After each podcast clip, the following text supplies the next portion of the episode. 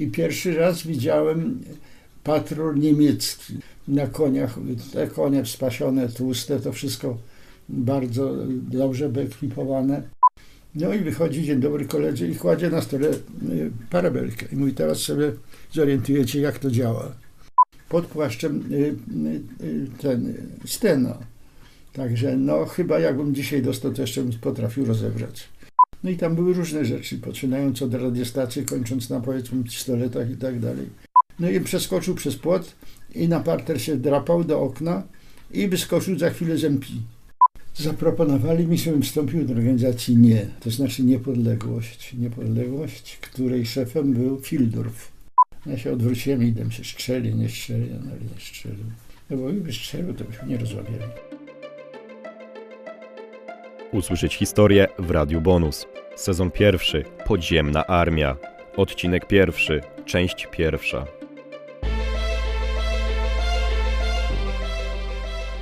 Imię i nazwisko. Ryszard Brodowski, Pseudonimy. Bodzonta, następnie Orlicz. Data i miejsce urodzenia. 3 sierpnia 1925 roku, Lublin. Przydział. Zgrupowanie Kielce Śródmieście. W czasie akcji Burza, druga Dywizja Piechoty Legionów Armii Krajowej, wchodząca w skład Korpusu Kieleckiego. Stopień w czasie wojny. Starszy strzelec, Stopień obecnie. pułkownik. Działał. W Kielcach i okolicy, w akcjach sabotażowych i przy organizacji zrzutów. Przed wojną. Uczeń, Po wojnie. adwokat, Odznaczony. między innymi Krzyżem Partyzanckim, Krzyżem Kawalerskim Orderu Odrodzenia Polski, Krzyżem Armii Krajowej. Pierwszym odcinku sezonu spotykamy się z pułkownikiem Ryszardem Brodowskim, prezesem Małopolskiego Oddziału Światowego Związku Żołnierzy Armii Krajowej. Wraz z jego wspomnieniami przeniesiemy się do Kielc i okresu jego działalności w strukturach tamtejszej konspiracji. Jest to początek cyklu audycji zatytułowanego Podziemna Armia. Serdecznie zapraszamy do słuchania. Usłyszeć historię. Pierwszy taki podcast w Polsce. Ja nie szczycę się żadnymi czynami bohaterskimi, natomiast ponieważ urodziłem się w 1925 roku, to jestem świadkiem historii. Historii, która dotknęła wszystkich, całe pokolenie, że żyło na przełomie wieków. To jest pierwsza sprawa. A druga sprawa, że prawda, pamiętam dość dobrze jeszcze drugą Rzeczypospolitą, bo już wtedy w harcerstwie, do harcerstwa należałem, zacząłem liceum, prawda, i pamiętam y, tą drugą Rzeczypospolitą jak wspaniały, wolny kraj. Harcerstwo, y, szkoła, dom, to wszystko wpajało w ludzi y, bohaterskie, no bohaterskie za duże słowo, po prostu patriotyczne wychowanie. No i te, tego typu wychowanie doprowadziło do tego, że ci ludzie zdali egzamin, jak tylko wojna wybuchła.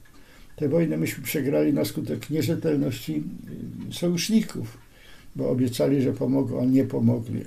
Ojciec y, był na dobrej posadzie, matka pochodzi, ojciec zresztą również ma herb Łada, matka ma y, herb Ogończyk, Gorzechowska Ogończyk. Także no, bardzo była, dziecinna była bardzo dobra, zamożni ludzie. Na przykład pamiętam, że zawsze się kłóciłem z matką 3 maja. No dlaczego? Bo ona chciała, żebym szedł na defiladę w pończocha, a ja chciałem iść w skarpetkach.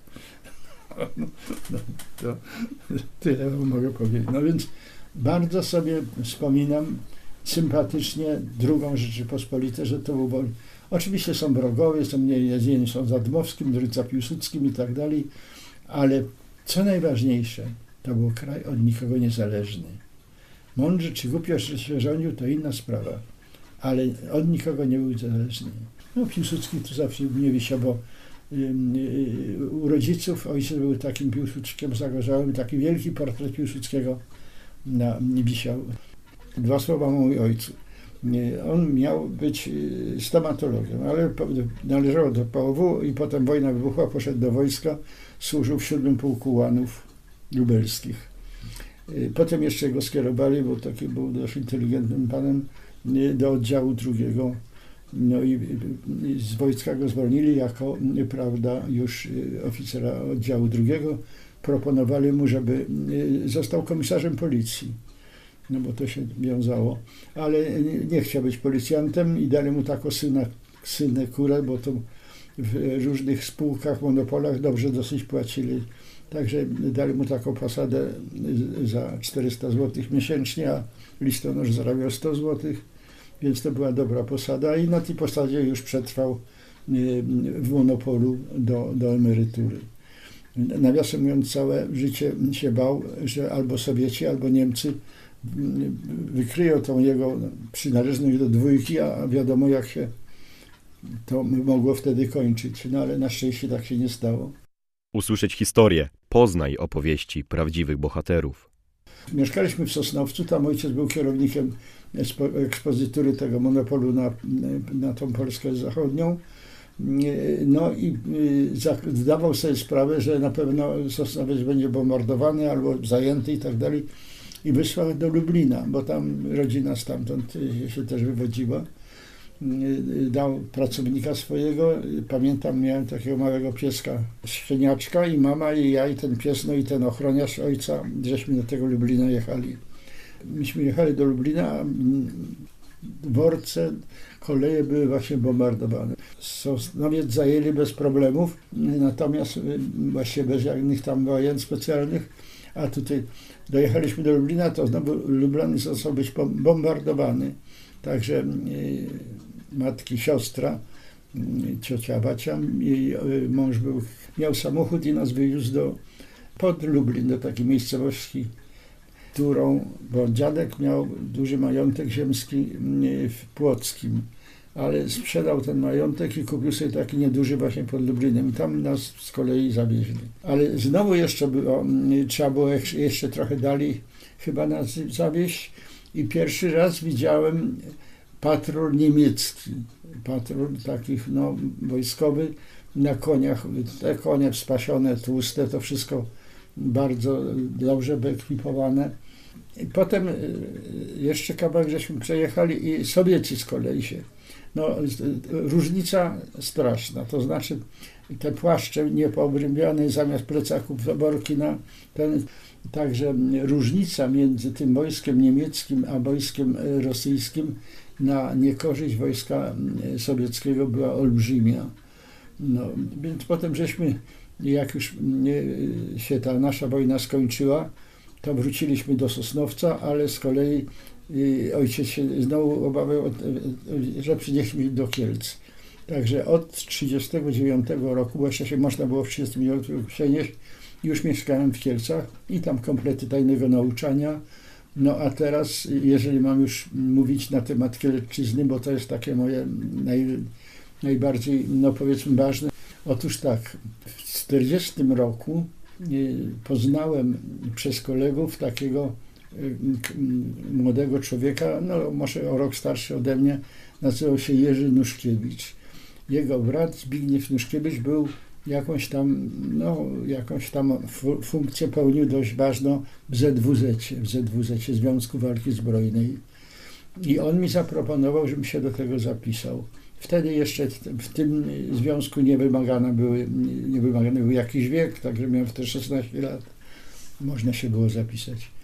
No i rzeczywiście tak zrobiłem. Tymczasem może dwa miesiące upłynęło, czy nawet mniej, dowiaduje się, że jego, jego brata i jego rodziców aresztowało gestapo. Aresztowało gestapo, oni byli wysiedleni z Poznańskiego, z Poznania była rodzina przyszła. No więc powiedziałem to ojcu, ojciec mi, no nie ma sensu, e, musisz wyjechać z Kielc i porozumiał się z takim właścicielem takiego dworku, z którym się przyjaźniliśmy. On przysłał bryczkę i tam pojechałem do tego dworku. Pamiętam to zimę, bardzo ostra zima, bo yy, 1940 rok. Miałem jakieś cienkie rękawiczki, ręce sobie odmroziłem, za czym ten do tego worku mnie dowiózł.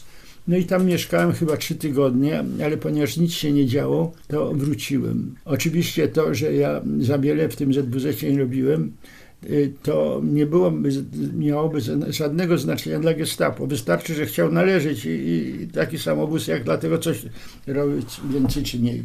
No i ten kontrakt się z tym ZWZ-em urwał. Y, dalej utrzymywałem y, przez kolegów y, z placówką Armii Krajowej, ale Miałem tylko te kontakty, natomiast w Armii Krajowej, za wyjątkiem Powstania Warszawskiego, to był wiek 17 lat. Musiał mieć chłopak, żeby mieć 17, żeby się zapisać, prawda, żeby być żołnierzem Armii Krajowej. No i w listopadzie 1942 roku składałem przysięgę Armii Krajowej i to mi się zaczęła służba w Armii Krajowej. Na czym polegała ta służba w Armii Krajowej? No przede wszystkim te młode pokolenie było wykorzystywane do tak zwanego małego sabotażu albo po prostu do, do szkolenia. Więc mały sabotaż polegał na tym, że trzeba było pisać na rurę w pracy powoli, albo mieliśmy z dykty wycięty kształt żółwia. I to się przykładało do ściany jakąś farbą i ten żółw tam pracuj powoli dla Niemców. Także formą takiej, takiej prawda, anty propagandy było, bo ludzie naiwni chodzili do kina, notoryjnie. Tłumy były w kinach, może to były niemieckie filmy. Więc mieliśmy takie buteleczki ze specjalnym płynem cuchnącym i trzeba było się w ten tłum tych widzów tam i te, trochę ten, ten płyn wylać, żeby może ich trochę, no wielkiego to skutku nie, wynosi, nie, od, nie odnosiło. No tym niemniej, natomiast skutek byłby dla nas, gdyby to gestapo to złapało to by się już nie, nie, nie można było z tego. Więc to już chodzi o taką akcję, no powiedzmy, propagandową. Natomiast jeżeli chodzi o mm, sprawy już ściśle wojskowe, no to przechodziliśmy szkolenie. Y, mieliśmy te podręczniki wojskowe mm, przedwojenne, trzeba było. Y, no, przychodzili instruktorzy, odpytywali nas z tego, dali twierdzili, co tu jest najważniejsze. Parę razy, ale nie dużo, było chyba trzy razy, dwa razy czy trzy byliśmy w terenie ćwiczenia, to się z pewnym niebezpieczeństwem wiązało, jak prawda jakaś większa grupa się po polu wychodziła. No ale mieliśmy ćwiczenia także, jeżeli chodzi o broń. Więc na przykład mamy zebranie, myśmy mieszkali w takiej willi na ulicy Pomorskiej w Kielcach, u mnie koledzy się zeszli z tej mojej drużyny, prawda, i powiedzieli, że przyjdzie instruktor. I przychodzi młody człowiek o tak waszym wieku, mniej więcej w eleganckim mundurze kolejarza. No i wychodzi, dzień dobry koledzy, i kładzie na stole y, parabelkę. I mówi, teraz sobie zorientujecie, jak to działa, prawda. Drugi przyszedł, y, też, y, ale już z kolei, już nie pamiętam, jaki on miał, też jakiś tam mundur miał, soku czy czego, nie, sok to już później no w każdym razie i przyniósł pod płaszczem ten Stena. Także też nas uczył, prawda, jak się z tym obchodzi, bo to z Anglii, potem już była krajowa produkcja Stenów. Także no chyba jakbym dzisiaj dostał, to jeszcze bym potrafił rozebrać. No więc tak to było, jeżeli chodzi o przygotowanie tego młodego pokolenia mm, do tej służby w Armii Krajowej. Wybraliśmy się, tak, no, łazimy, może coś się da zrobić może jakiś pijany Niemiec będzie, tak. Tymczasem wchodzimy na ulicę Bodentyńską, a tam dwóch żandarmów ludzi legitymuje. To myśmy odwrócili się i idziemy w drugą stronę. Oni nas zauważyli e, i za nami poszli. Myśmy weszli na takie podwórko, tam taki domek mojego przyjaciela, tam taki staw mały był koło tego i tam już myślę na to podwórko. A ci halt, halt, no więc odwracam się, patrzę, ten jeden z Niemiec już stoi przy y, Adamie, a drugi mnie woła. Ja podchodzę do niego, on trzyma parabelkę w ręku. Ale jak zobaczył, że ja podchodzę, to ją tu bo to można tak było zrobić. Przy mundurze, jak się tu lufę wcisnęło, to ona się trzymała, a była pod ręką. I tutaj opatrzność popatrzył na mnie srogo i pyta się, nie spytał się o nazwisko, tylko Mutter.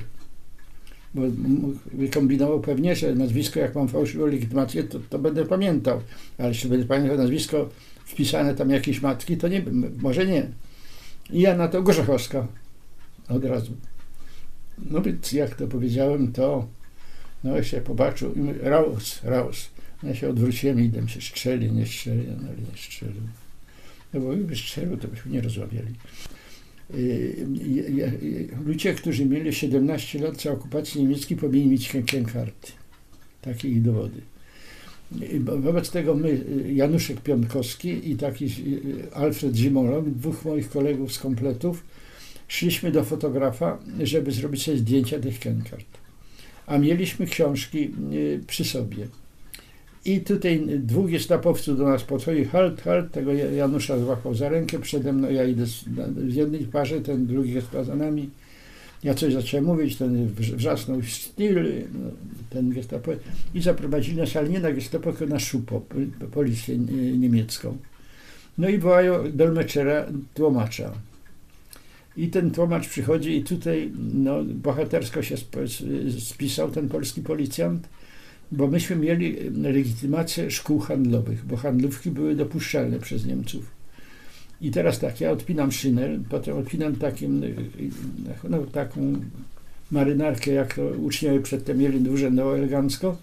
I potem mam, potem jeszcze mam y, bluzę harcerską, ale na czarno pomalowano, a pod paskiem mam tutaj książki. No i wyjmuję te książki, wyciągam i ten czyta przecież historia Polski i tak dalej i mówi do tego do tego Niemca, to, są uczniowie szkoły handlowe, to są książki handlówki są. No więc y, dzięki temu od, od, odważnemu policjantowi, bo przecież gdyby tak się złożyło, że ten któryś z tych Niemców choć trochę po polsku się znał, to by on poleciał za to. No ja ten mu tak to wytłumaczył, to ten y, y, gestapowiec raus, wyrzucili nas i tak się to skończyło.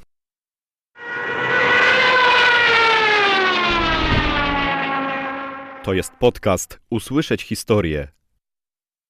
No, nadszedł y, sierpień, 44 rok, akcja burza. Więc y, wtedy była mm, koncepcja odtwarzania pułków odtwarzania tych, które były w Kielcach. Był przed wojną czwarty pułk legionów, czwarty pułk piechoty legionów. Do tego pułku nie skierowano. Pamiętam, y, jak to się odbywało. Taki mój kolega, przyjaciel, jeszcze nawet ze szkoły podstawowej z Sosnowca, Kazio Kopczyński też się znalazł w Kielcach. Ale on do konspiracji nie należał. Tymczasem w, w, w tym okresie Y, Niemcy ogłosili, że wszyscy mają tam od od 16 lat się zgłaszać do, do robót. No i groziło że po prostu, że jak złapią, to mogą prawda, wywieźć i tak dalej. To ja mówię do Kazika, ja mam skierowanie do lasu, do, do tego pułku, to chodź ze mną. No on się zdecydował i to wyglądało praktycznie w ten sposób, że jego matka i moja matka wzięły e, na ręce, prawda, kocy, jakieś sweterki, no jakieś rzeczy, które nam w tym lesie byłyby niewątpliwie potrzebne, a myśmy szli bez niczego. No i tak na za miasto, jeszcze pamiętam, myśmy taki willi na Pomorskim mieszkali, o płaskim dachu, ojciec wyszedł i ja na tej na tam, tam jeszcze machał na do widzenia.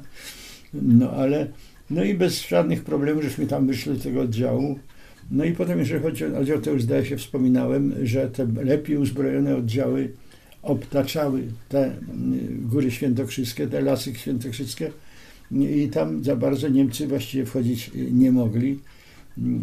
Były potyczki, jeżeli tam jakiś oddział się wyruszył i tam chciał się dostać, ale przeważnie im się to nie udawało.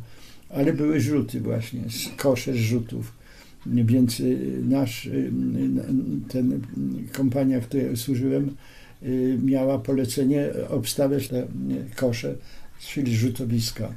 Ja brałem udział w takich dwóch. To polegało w ten sposób, że braliśmy, dostawaliśmy lampki, które chłopi pod wozem wożą. I trzeba było te lampki mieć przy sobie otaczało się polanę, która była wybrana na miejsce rzutu i tam dowódca z rakietnicy dawał, strzelał, raketa szła w górę, to trzeba było zapalać te lampki i pokazywać krąg do tego rzutu. No i rzeczywiście to, to taka dość wzruszająca sytuacja po tylu latach okupacji tej, tej prawda, no, mimo wszystkich ciężkich sytuacji, ktoś leci no więc y, dwa razy były takie rzuty. Raz była polska y, załoga, raz była angielska, ale były tylko pojemniki. Nie było skoczków, nie było y, tylko to znaczy te pojemniki powinny taka, no prawie takiej metrowej wielkości beka metalowa. No i tam były różne rzeczy, poczynając od radiostacji, kończąc na powiedzmy pistoletach i tak dalej. Oczywiście potem myśmy z zazdrością patrzyli na dowódców, którzy właśnie z tych rzutów mieli takie y, rewolwery Wessony. To można w muzeum je zobaczyć. Wesson to jest taki rewolwer trochę podobny do, do bębenkowca, do tego Nagana. Ma taką też przy kolbie, taką ma tutaj kółeczko. Więc oni mieli na białych takich sznurkach spadochronów przez te, te i tak właściwie, prawda. Myśmy z zazdrością na to patrzyli, no ale niestety było tylko dla szarży i to wyższej, bo tej broni było zawsze za mało. No i to się wszystko ciągnęło przez chyba do jesieni i ponieważ odstąpiono w końcu już pa, prawie powstanie padało, odstąpiono od pójścia na pomoc tej Warszawie, wobec tego powiedziano, że no, tak była przykra sytuacja, trzeba było zdejmować opaski, oddawać charakterystyczne, to dobrze, żebyście Państwo wiedzieli, że nosili opaskę nie AK, bo AK jeszcze wtedy nic, a posły WP, Wojsko Polskie. Usłyszeć historię, audycja Rafała Kargola i Kacpra Puta w Radiu Bonus. No i powróciliśmy y, do Kielc. Z tym Kasiem y, wracamy. Jeszcze taki epizod zabawny. Y, idziemy, wchodzimy już do miasta, ta ulica, dzielnica Wilnowa. No i wychodzimy za rogu, buty z cholewami, oczywiście zakurzone, my też zarośnięci wtedy na oko widać było, kto to wraca. No to Jasiu, to, nie, Kaziu, też po jego wzrostu, także tak dość, no dość żeśmy wyglądali groźnie. Wychodzimy za roga, a za rogu wychodzi niemiecki czołgista i niesie na placach tu karnister. Jak zobaczył nas, to rzucił tego i uciekł. Wtedy rzeczywiście byli w strachu mocnym. No i wróciłem do, do tych, prawda, do tych, na tą moją placówkę wróciłem, ale właściwie się już potem za bardzo już nic nie działo, bo w styczniu 1945 roku, w styczniu zajęli, Sowieci zajęli Kielce. Zajęli Kielce. Pierwszy ślad był potem, że ojciec kazał robotnikowi przynieść ale nie wnosi do mieszkania, tylko postawić pod oknem y, skrzynkę z wódką. I my wychodzimy rano, już nie, Sowieci są tego, ale już skrzynki nie ma. Pierwsze, co zrobili, to ukradli. No takie bzdury może, ale to tak, tak było, no niestety. No więc w styczniu zajęli. Tymczasem y, już w marcu 1945 roku moi przyjaciele, jeden z NSZ-u, z Brygady Świętokrzyskiej, a drugi z AK, czyli Zygmunt Karpiński, pseudonim Śnica, a drugi Adam Kotowski, pseudonim y, Kobra, zaproponowali mi, żebym wstąpił do organizacji NIE, to znaczy Niepodległość. Niepodległość, której szefem był Fildorf. Tą organizację, to organizacja była raczej nastawiona na wywiad, na infiltrację, prawda, już nie na walkę, bo wiadomo było, że po tym, co się w Jałcie stało, to już Polska by sobie rady za bardzo sama nie dała. Y, więc zapisałem i miałem robić wywiad, to znaczy jak się zachowuje partia, jak się zachowuje UB, jak partyjniacy się zachowują i tak dalej i na ten temat meldunki składać. I zorganizowałem taką grupę pięcioosobową, która miała mi pomagać w tym, w tym szerzej pojętym wywiadzie. No ale niestety za barzośmy tego za dużo nie zrobili, bo już 24, 24 sierpnia 1945 mnie aresztowali. Bo jeszcze tu muszę wrócić jeszcze za niemieckich, jeszcze jak Niemcy byli, myśmy mieszkali w takiej dzielnicy willowej, naprzeciwko naszego domu był ogród, a za ogrodem były następne wille. I on do mnie kiedyś przyszedł, Adam miał na imię, Mój, słuchaj, y, tam mieszkają w tym domu naprzeciwko Niemcy, ale oni wyszli gdzieś. To jakby y, y, ty stój tutaj, jakby oni wracali, to gwizdnij mocno. Ja mówię, dlaczego? No zrób jak proszę. No i przeskoczył przez płot i na parter się drapał do okna i wyskoczył za chwilę z MP. Ukryty pistolet maszynowy. No więc ja nawet nie bardzo, nie, nie, nie bardzo sobie zdawałem sprawę, jak to dokładnie z tym było. A tu jest, jeszcze żyje taka jedna łączniczka z naszego tego okręgu, Jaroszyńska, Barbara Jaroszyńska, teraz się jakoś inaczej nazywa.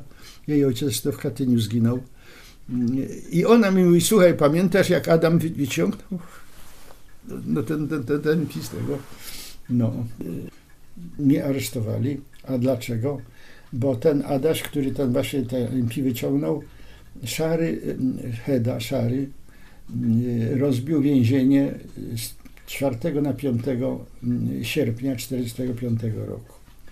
No nie wszystkich uwolnił, ale znaczną część uwolnił i ponieważ wjazd do podwórka więziennego był zabezpieczony kratą taką metalową dużo, to przy pomocy piata e, rozwalił tą rozwalili tą, tą bramę, no i tam uwolnili się. Zresztą potem Heda ile razy przyjeżdżał do Krakowa, to zawsze o, na tych jest przeważnie nocował.